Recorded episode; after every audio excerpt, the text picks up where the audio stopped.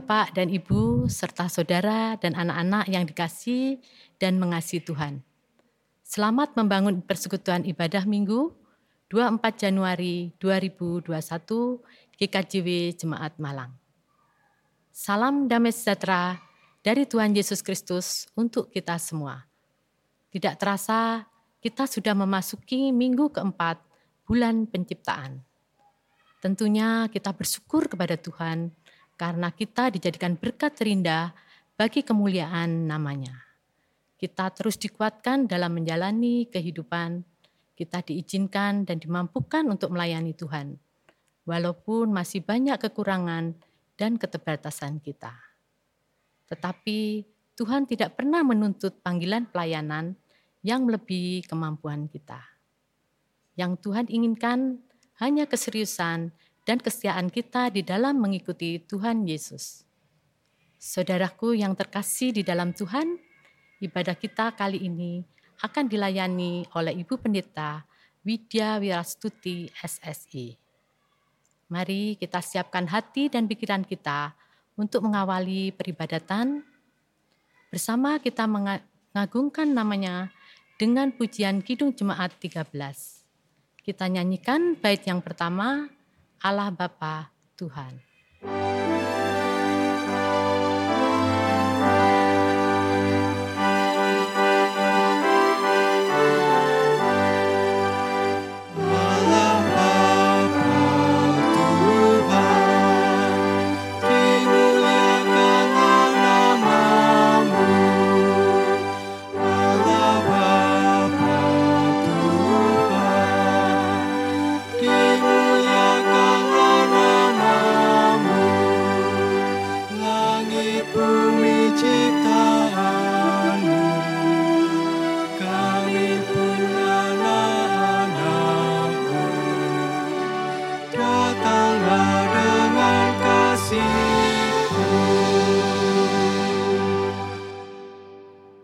Jemaat yang dikasih Tuhan, marilah bersama-sama di dalam hati kita mengaku yang demikian.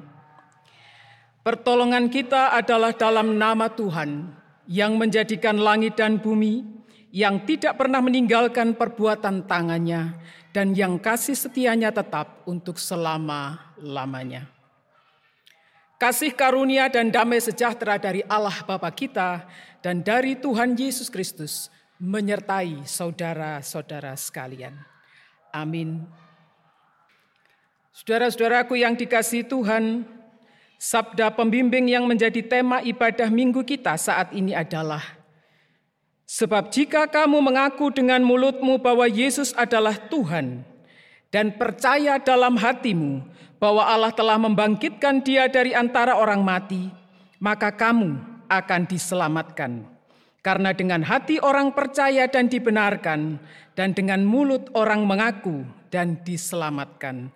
Roma 10 ayat 9 sampai 10. Mari kita sambut dengan kita naikkan pujian dari Kidung Jemaat 464 baitnya yang keempat.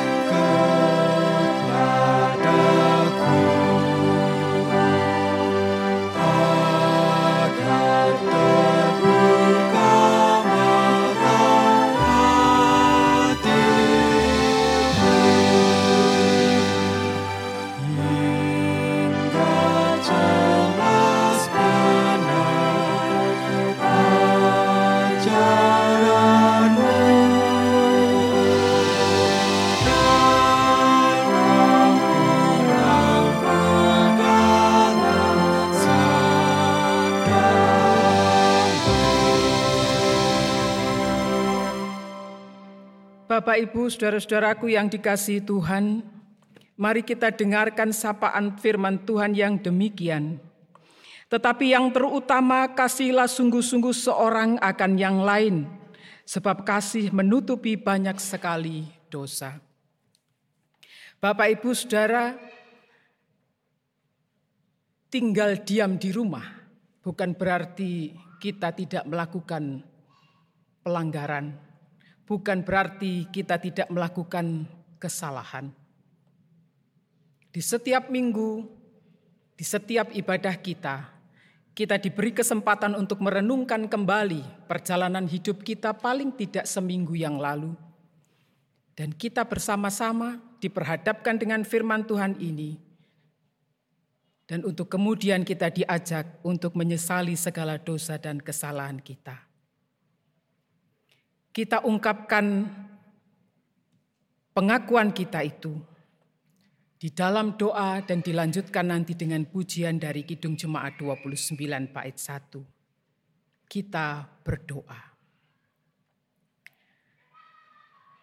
Bapa Sorgawi, kepadamu kami kembali menghadap ya Tuhan.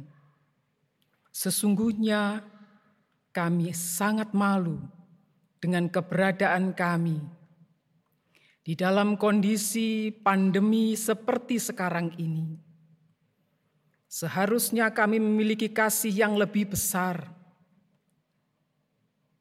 Tetapi sering kali kami mengabaikan orang-orang yang terkasih di sekitar kami. Ampunilah kami. Kami membawa segala keberadaan hidup kami kepadamu ya Tuhan, dengan penuh penyesalan. Di dalam Kristus Yesus kami mengaku dosa kami. Kidung Jemaat 29 bait 1.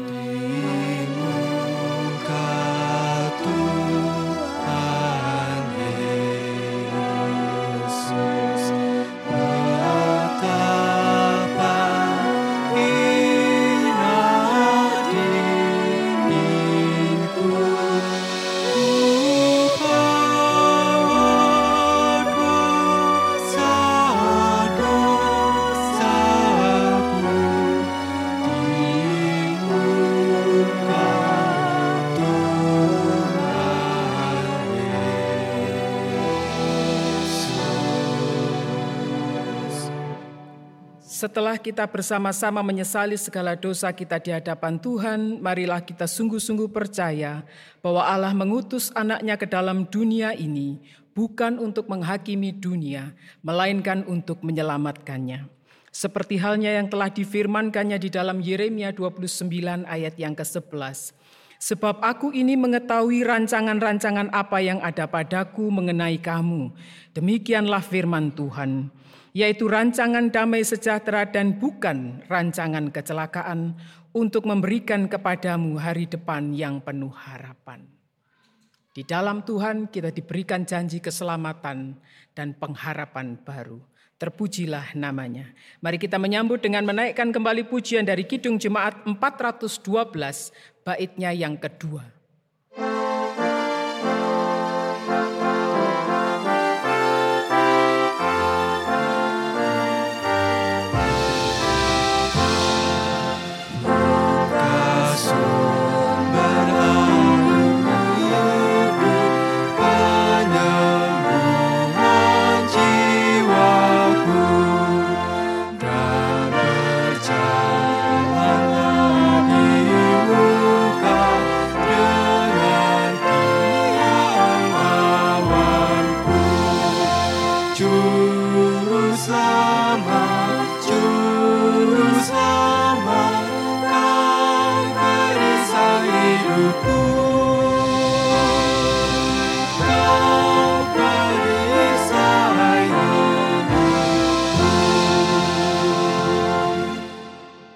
Tiba saatnya kita akan bersama-sama mendengarkan sapaan firman Tuhan.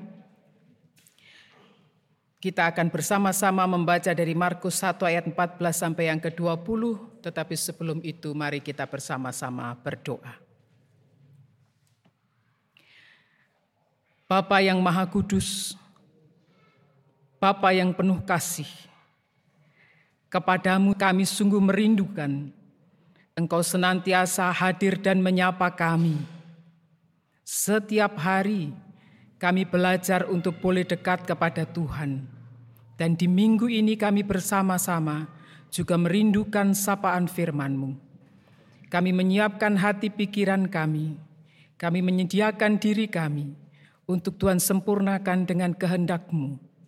Karena itu ya Tuhan, berfirmanlah, kami semua anak-anak-Mu siap mendengarkan. Di dalam Kristus Yesus kami berdoa. Amin. Bapak, Ibu, serta saudara-saudara jemaat milik Tuhan, pemberitaan firman Tuhan diambil dari Injil Markus 1 ayat 14 sampai 20. Demikian bunyi kesaksiannya. Yesus tampil di Galilea. Sesudah Yohanes ditangkap, datanglah Yesus ke Galilea memberitakan Injil Allah. Katanya, waktunya telah genap. Kerajaan Allah sudah dekat. Bertobatlah dan percayalah, percayalah kepada Injil. Yesus memanggil murid-murid yang pertama. Ketika Yesus sedang berjalan menyusur danau Galilea, ia melihat Simon dan Andreas, saudara Simon. Mereka sedang menebarkan jala di danau, sebab mereka penjala ikan. Yesus berkata kepada mereka, "Mari, ikutlah aku, dan kamu akan kujadikan penjala manusia." Lalu mereka pun segera meninggalkan jalannya dan mengikut dia. Dan setelah Yesus meneruskan perjalanannya sedikit lagi, dilihatnya Yakubus, anak Sibedius, dan Yohanes saudaranya sedang membereskan jala di dalam perahu. Yesus segera memanggil mereka dan mereka meninggalkan ayahnya Sibedeus di dalam perahu bersama orang-orang upahannya lalu mengikut dia. Demikian kesaksian firman Tuhan. Yang berbahagia ialah mereka yang mendengarkan firman Allah dan yang memeliharanya. Amin.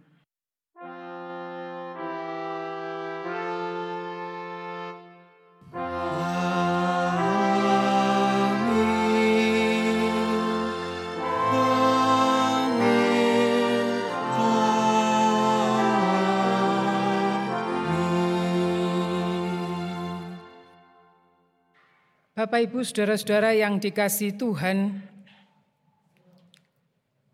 selamat hari Minggu, salam sejahtera, salam patunggilan.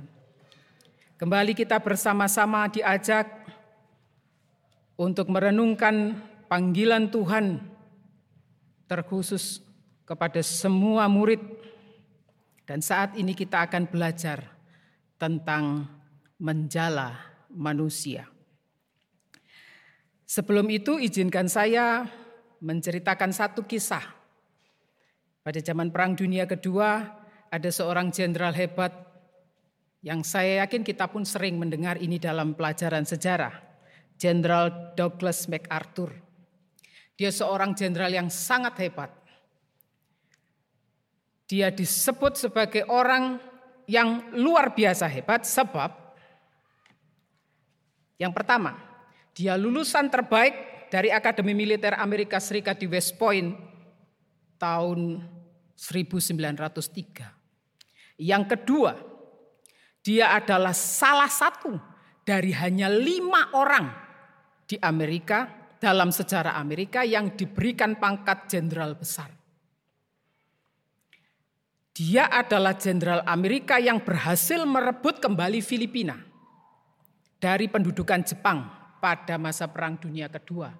Dan dia juga yang berhasil menang perang, menaklukkan Jepang selama Perang Dunia Kedua dan membuat Jepang menyerah tanpa syarat tahun 45. Dia juga yang menjadi penguasa de facto Jepang pada tahun 45 sampai 51. Dia mendapatkan begitu banyak penghargaan. Ada namanya Medal of Honor, Distinguished Service Cross dan sebagainya. Ada Silver, Silver Star itu sebanyak tujuh kali. Itu dicatat dalam sejarah Amerika. Tetapi Bapak Ibu bukan ini yang mau saya haturkan. Di balik kesuksesan beliau, ada satu kisah menarik yang dituturkan di dalam sebuah buku sejarah bahwa Jenderal Douglas MacArthur ini pada saat menempuh pendidikan di Akademi Militer Amerika di West Point tahun 1899 sampai 1903 itu dia pernah mengalami satu pengalaman yang lucu, unik tetapi juga membuat ya barangkali orang jadi terheran-heran. Ini orang pinter kok bisa begini gitu ya. Ya. Pada satu kali dalam sebuah pelajaran di kelas seorang profesor di kelas itu menugasi seluruh mahasiswa termasuk Pak MacArthur ini untuk memahami teori relativitas dari Albert Einstein. MacArthur begitu belajar keras ingin mengerti sebetulnya ini maksudnya apa teori ini. Tetapi dia baca berulang-ulang tidak paham-paham. Akhirnya dia ambil keputusan. Dia seorang yang apa canggih dalam hal menghafal begitu ya. Jadi dia hafalkan mati saja teori itu. Waktu ketika uh, gilirannya tiba dia diminta untuk menjelaskan teori relativitas dari titik koma dia sebutkan teori itu dengan jelas. Lalu Pak Profesor saat itu yang bertugas mengajar adalah Kolonel Viberger bertanya, Hebat kamu bisa hafal sampai titik koma teori ini. Bisa enggak kamu jelaskan apa maksudnya? Itu yang ditanyakan gurunya ini. Lalu Pak MacArthur menjawab, siapa? Tidak Pak, saya hanya hafal isinya tapi saya tidak mengerti arti teori ini. Sesaat kelas menjadi sepi, lalu sang profesor berkata, saya pun tidak mengerti makna teori itu. Saudara-saudara yang dikasih Tuhan, kalau kita sering suka mencermati kisah-kisah eh, dunia persilatan perfilman Mandarin, sering kali diungkapkan istilah ini, bahwa di atas langit masih ada langit. Orang yang pinter seperti MacArthur, orang yang pinter seperti Kolonel Viberger, ternyata juga ada ndak tahunya, ada ndak mengertinya, ada bodoh-bodohnya juga. Lah, barangkali Bapak Ibu Saudara yang dikasih Tuhan, mungkin di dalam kehidupan kita beriman, kita pun mengalami peristiwa yang sama. Kita tahu apa isi Alkitab. Kita tahu dogma-dogma kekristenan, kita diajarkan katekisasi, PTWG dan sebagainya. Tetapi sering kali kita tidak tahu artinya iki maksudnya apa? Atau apa hubungannya dengan keselamatan? Satu contoh lagi, barangkali akan menolong kita untuk juga lebih memahami. Kisah menarik pada saat penemuan radio. Guglielmo Marconi itu adalah penemu radio. Pada tahun 1895. Dia belajar, dia berusaha melakukan percobaan selama satu tahun dengan memanfaatkan hasil percobaan Heinrich Hertz tentang gelombang elektromagnetik. Dia mencoba ketika dipasang alat ini, oh ternyata ini bisa mengirim suara dan seterusnya. Belajar satu tahun dan menghasilkan itu. Dan hasil penemuannya tentang radio ini mendapatkan penghargaan pada tahun 1909 yaitu mendapatkan hadiah Nobel. Pada saat menerima penghargaan itu, Marconi ditanya oleh seorang wartawan, bagaimana caranya kok bisa menemukan gelombang elektromagnetik itu bisa berubah menjadi suara sehingga dikirimkan dengan nirkabel, tanpa kabel. Apa jawab Marconi? Ya dia sedikit kebingungan begitu ya, tapi dia menjawab, pokok pokoknya ketika suara bisa diubah oleh alat itu menjadi gelombang elektromagnetik, maka tentu suara itu lalu bisa diedarkan ke mana-mana. Jadinya begitu saya tidak tahu. Pada saat itu Marconi juga kebingungan untuk menjelaskan. Saudara-saudaraku yang dikasih Tuhan, saya memakai cerita ini untuk menjelaskan juga ketika kita beriman. Ketika kita mengikut Tuhan Yesus. Meski secara ilmiah manusia mampu mengerti berbagai teori teologis. Banyak teori berkembang saat ini. Semakin berkembang semakin luas. Tapi ingat, teologi. Teo itu dari teos Allah, logi itu ilmu, ilmu tentang Allah. Semua orang belajar untuk merumuskan, berusaha untuk menjelaskan siapa Allah itu. Tetapi tidak ada satupun yang bisa berhasil sampai hari ini. Sebab kalau berhasil sampai hari ini berarti dia bukan Allah. Allah tidak pernah bisa dijelaskan, Bapak Ibu Saudara. itulah juga yang sedang terjadi terhadap proses pemanggilan para murid dalam bacaan kita ini ada hal yang menarik yang ingin saya aturkan kepada panjenengan semua. Umumnya Bapak Ibu Saudara pada masa itu eh, muridlah yang sehar, eh, yang biasanya mencari rabi. Jadi kalau dia mau belajar, dia kalau mau belajar Torah, orang Yahudi itu akan pergi mencari kepada rabi siapa saya mau belajar. Umumnya begitu. Tetapi di dalam cerita kita, Yesus datang menjumpai para nelayan, lalu memilih Simon dan Andreas pertama kali. Dia berkata, "Ikutlah aku, aku akan menjadikan engkau penjala manusia." Demikian pun kepada Yakobus dan Yohanes. Dan apa yang terjadi Bapak Ibu Saudara? Ya, tanpa babi bu mereka langsung ikut. Mereka menanggapi panggilan Yesus dengan sangat cepat, dengan langsung. Tidak dijelaskan alasannya di dalam bacaan kita. Tetapi kesegeraan menanggapi panggilan Yesus itu mencerminkan bahwa kuasa Tuhan, otoritas Kristus itu sangat besar atas diri manusia.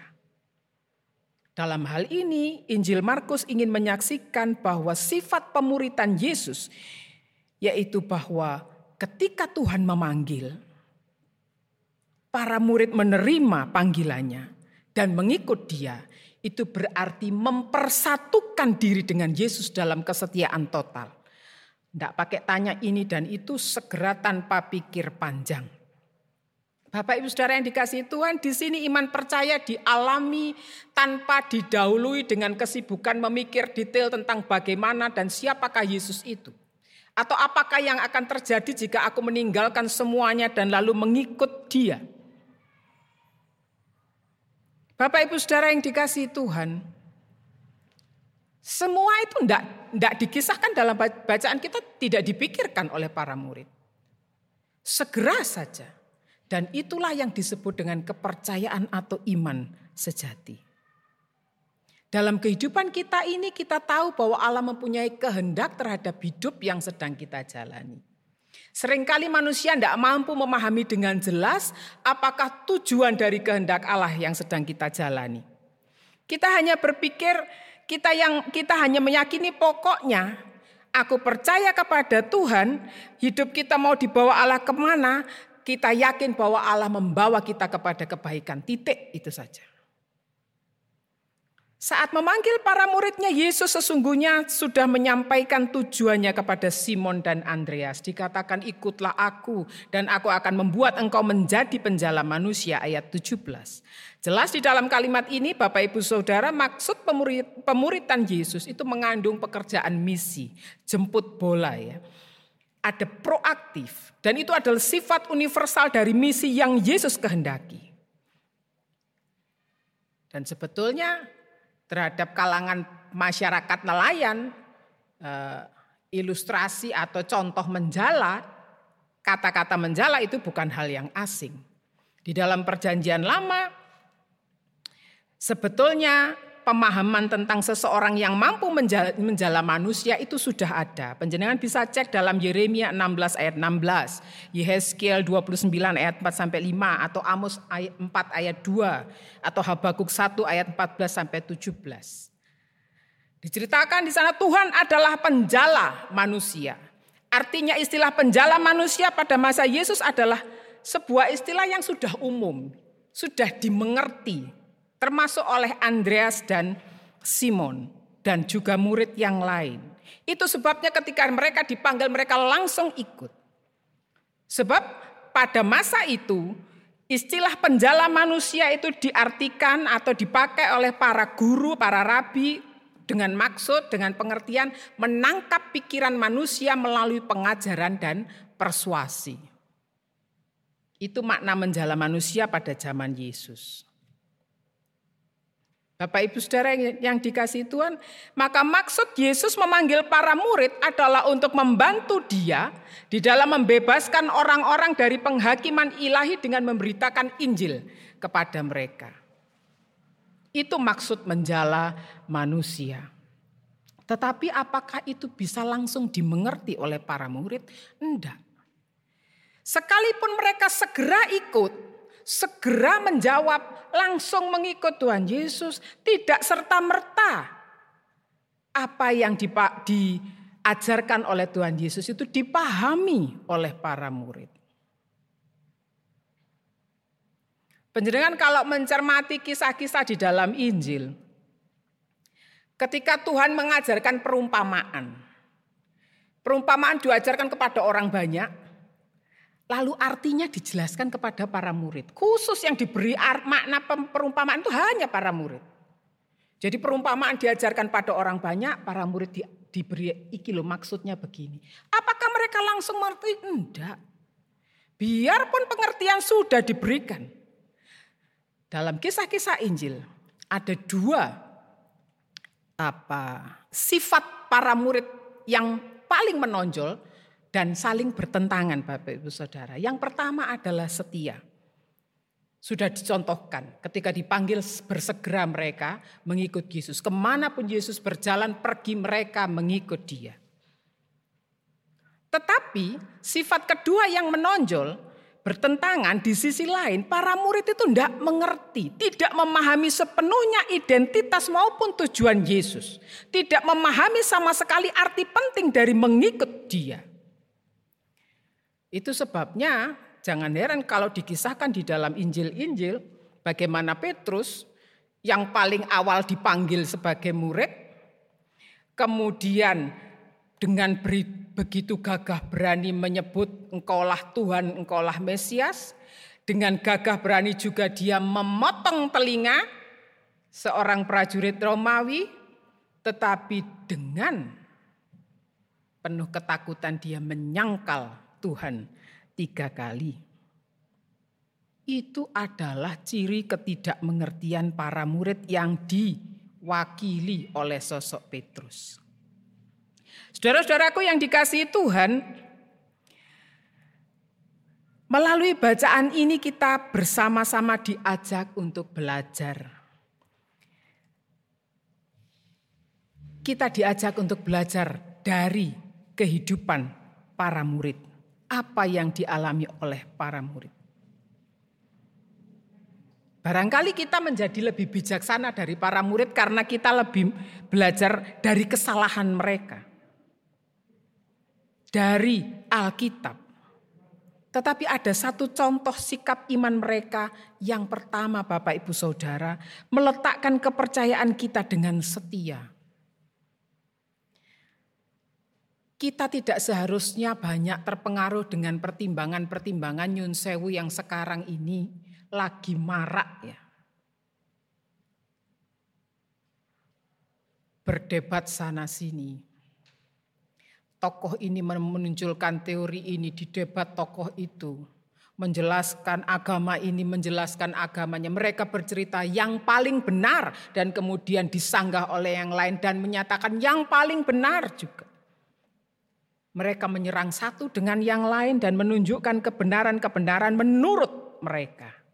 Tetapi marilah pada saat ini kita belajar dari para murid. meletakkan kepercayaan kita dengan setia. Bapak Ibu Saudara yang dikasihi Tuhan, yang kedua, marilah kita belajar dengan kesederhanaan iman. Meski upaya untuk lebih memahami kehendak Allah itu selalu kita upayakan. Kita tetap belajar, bukan berarti kita tidak perlu baca firman, bukan berarti kita tidak perlu belajar, bukan berarti tidak perlu ada sekolah teologi. Semua itu dibutuhkan. Tetapi baiklah kita belajar. Kita menyadari dari kisah ini bahwa sebagai manusia kita memiliki keterbatasan Meski kita berupaya untuk belajar mengenai dalil-dalil teologis Kristen atau berupaya keras memahami kehendak Allah, sadarlah bahwa Allah kita itu Allah yang maha besar, Allah yang maha agung. Kita tidak akan bisa mampu menjangkau keseluruhan misteri ilahi. Maka yang baik yang perlu kita lakukan, percaya saja kepada Allah. Lakukan saja perintahnya Berdoalah untuk bisa mengerti kehendak Tuhan. Pastilah secara perlahan kita diajarkan untuk mengerti, untuk memahami apa kehendak Allah, termasuk di dalam kondisi kita saat ini. Kenapa kita harus repot-repot begini ya, Bu? Susah sekali ibadah sekarang ini Masa pandemi ini repot buat kita mau doa saja susah. Enggak. Monggo Bapak Ibu percaya saja. Ada hal baik yang disediakan Tuhan bagi kita. Kita cermati, kita belajar. Saya ambil contoh satu saja. Rasul Petrus dari tadi saya sudah aturkan di depan dia dipanggil yang pertama. Dia yang paling berani mengaku bahwa Yesus adalah Mesias. Dia yang memotong telinga. Dia yang menyangkal tiga kali. Lari pada saat Tuhan Yesus sengsara bahkan sampai mati. Dia belum mengerti. Tetapi Rasul Petrus di bawah bimbingan roh kudus. Tercatat di dalam sejarah. Dalam kisah gereja mula-mula itu ada lima keuskupan pada awalnya Bapak Ibu. Dan tiga di antaranya itu dipimpin oleh Rasul Petrus. Itulah contoh nyata bahwa Tuhan betul-betul menjadikan Rasul Petrus yang dipanggil pertama kali untuk menjala manusia. Di dalam sejarah kekristenan Rasul Petrus dan Rasul Paulus itu berperan sangat besar. Tapi kalau penjenengan cermati hidupnya, morat marit hidupnya Rasul Petrus dan hidupnya Rasul Paulus. Rasul Paulus kita tahu sebelum menjadi Paulus dia menjadi Saulus dan menjadi sangat jahat kepada para pengikut Kristus. Tetapi Tuhan juga menjadikan Rasul Paulus penjala manusia. Bapak Ibu Saudara yang dikasih Tuhan, barangkali sampai detik ini pun pengertian kita tidaklah sama. Sampai hari ini pun mungkin kita akan banyak bertentangan satu dengan yang lain. Mungkin bahkan terjadi kelompok-kelompok karena tidak setuju dan sebagainya. Tetapi percaya saja. Bacaan kita hari ini mengajarkan.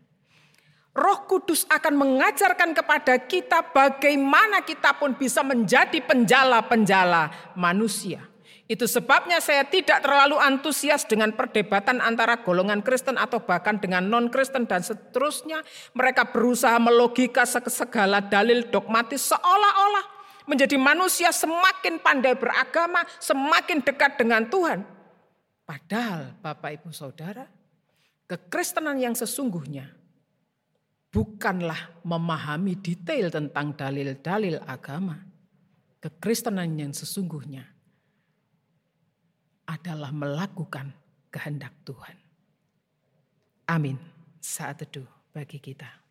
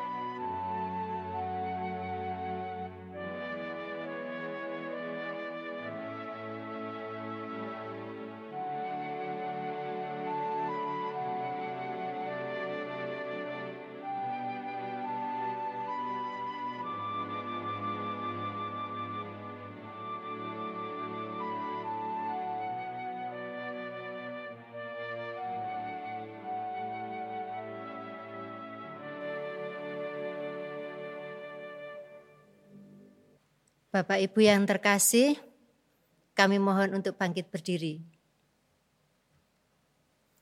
Bersama-sama dengan orang beriman di seluruh muka bumi, kita perbarui iman kita dengan mengikarkan pengakuan iman rasuli yang demikian.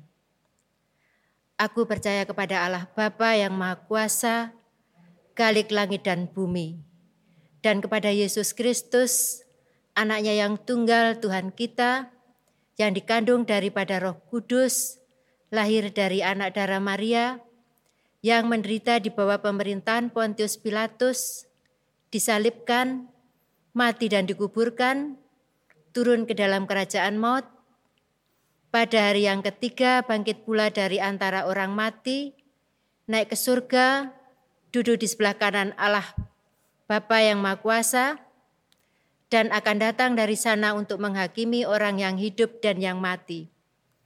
Aku percaya kepada Roh Kudus, gereja yang kudus dan am, persekutuan orang kudus, pengampunan dosa, kebangkitan daging, dan hidup yang kekal. Amin. Dipersilakan duduk. Bersama-sama kita akan menikmati, menghayati persembahan pujian dari vokal grup Madu Suara dengan judul pujian yang paling mengerti.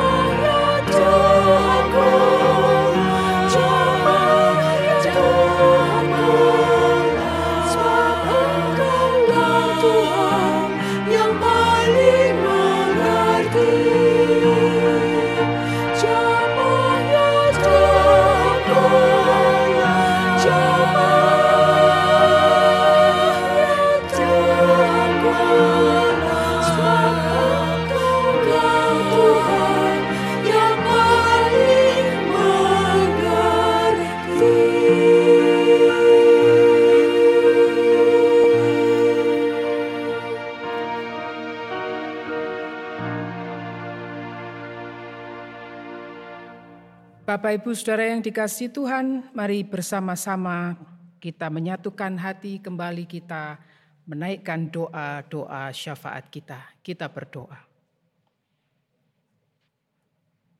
Bapa Sorgawi, kembali kami menghadap kehadirat-Mu ya Tuhan. Dari apa yang sudah kami pelajari bersama-sama saat ini, Kami menyadari keterbatasan dan ketidakmampuan kami. Tetapi justru di dalam kelemahan kami, kuasamu semakin nyata. Itulah yang kami imani ya Tuhan. Karena itu kiranya Engkau senantiasa berkenan dengan rohmu yang kudus menuntun kami dan memampukan kami untuk menjadi pelaku-pelaku firman-Mu, untuk menjala manusia, untuk bisa memahamkan kebaikan dan kasih-Mu kepada semua orang di sekitar kami. Oleh sebab itu ya Tuhan pada saat ini pun kami menaikkan doa-doa kami. Kami berdoa untuk keadaan kami pada saat ini ya Tuhan. Kondisi di masa pandemi ini, di seluruh negeri ini, bahkan di seluruh dunia, kami bersama-sama sedang berjuang. Engkau Maha Tahu, ya Allah, akan keterbatasan kami.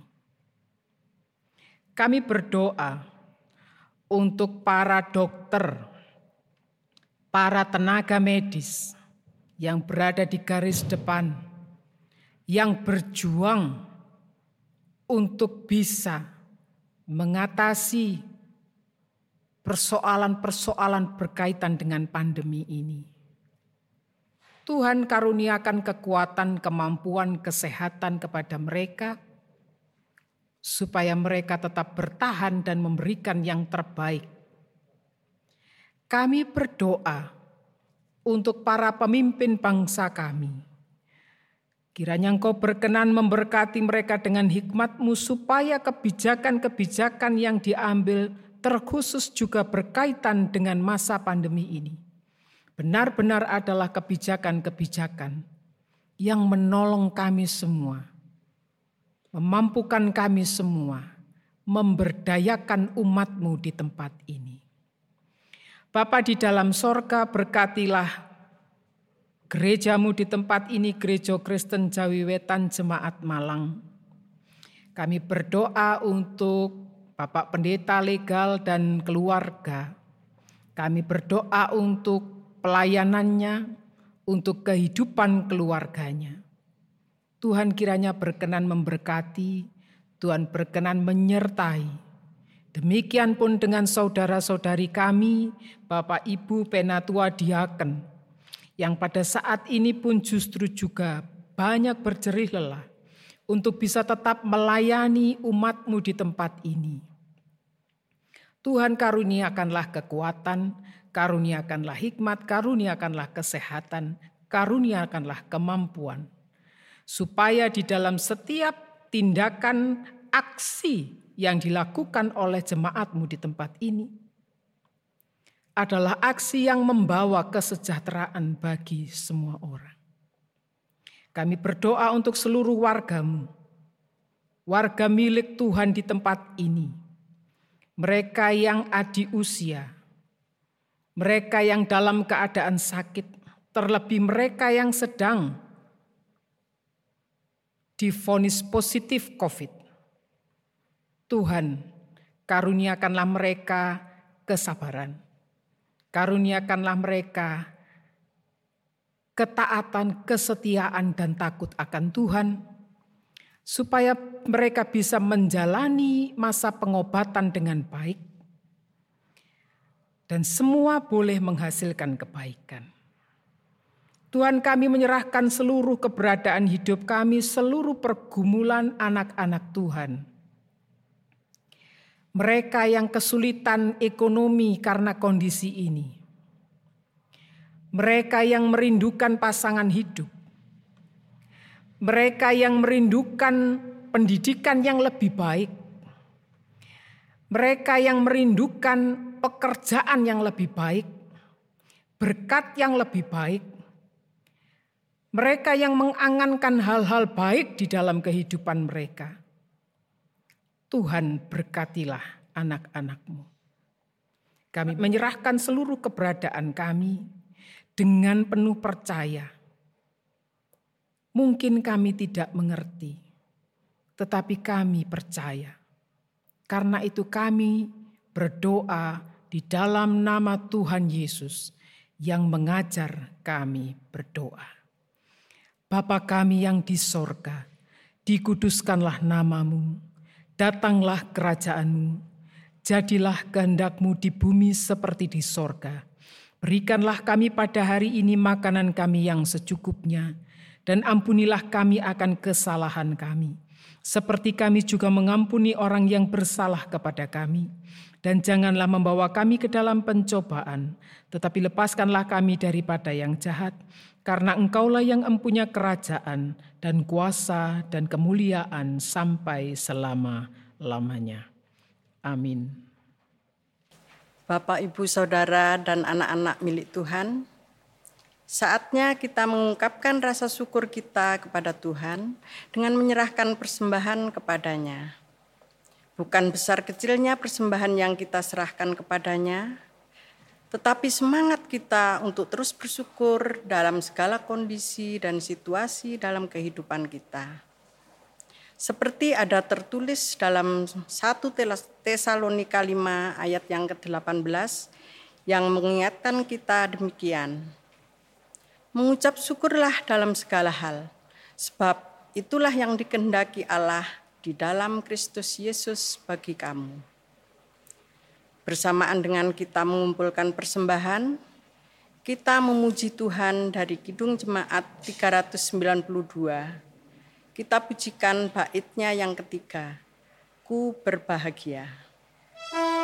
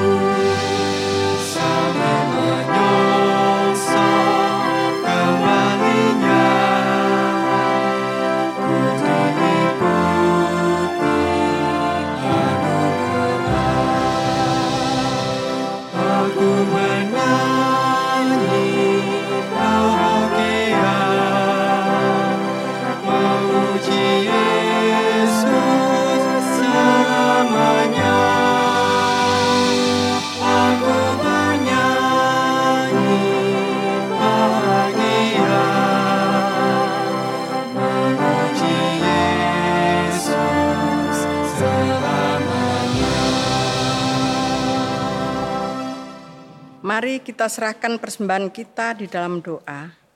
Mari kita berdoa. Bila kami mengingat akan keagungan-Mu dan belas kasihan-Mu ya Tuhan, kami sungguh mengucap syukur dan berterima kasih. Di tengah badai yang melanda dunia saat ini, Engkau melindungi kami. Di tengah pandemi COVID-19 saat ini, Tuhan memelihara kesehatan dan hidup kami. Bahkan di tengah-tengah keputusasaan dan kelemahan iman kami, Tuhan menopang dan menguatkan kami, seperti yang kami rasakan dan terjadi saat ini, melalui firman-Mu yang sudah kami dengarkan. Tuhan melawat kami, sehingga kami boleh kuat dan segar kembali. Terima kasih dan terima kasih Tuhan atas berkat-berkat-Mu untuk kami. Sebagai rasa syukur kami, saat ini kami menyerahkan persembahan kepada Tuhan.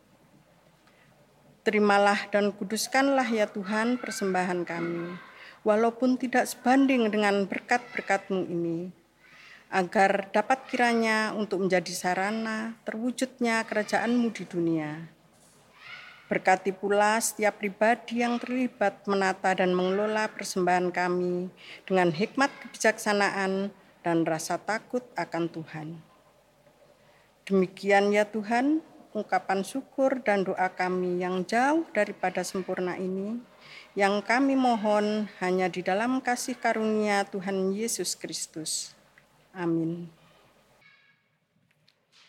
Saudara-saudaraku yang dikasih Tuhan, Sekarang saatnya kita akan mengakhiri ibadah kita kali ini. Pergilah dalam damai sejahtera Tuhan, saling layanilah antara satu dengan yang lain dalam kasih sebagai sesama ciptaan. Dan ingatlah selalu firman Tuhan hari ini. Kamu akan diselamatkan karena dengan hati orang percaya dan dibenarkan dan dengan mulut orang mengaku dan diselamatkan. Percayalah bahwa Tuhan selalu menyertai saudara. Kita akhiri ibadah kita dengan pujian dari Kidung Jemaat 370 baitnya yang ketiga.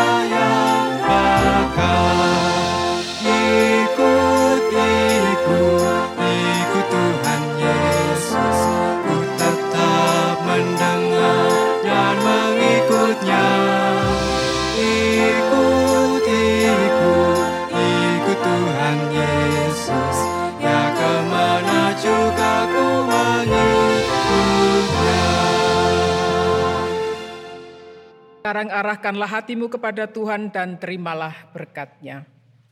Allah Bapa sumber segala anugerah, Tuhan Yesus sumber segala kasih karunia, dan Roh Kudus sumber segala kebahagiaan, penghiburan serta damai sejahtera, senantiasa menyertai dan memberkati saudara-saudara sekalian, kini dan selama-lamanya. Amin.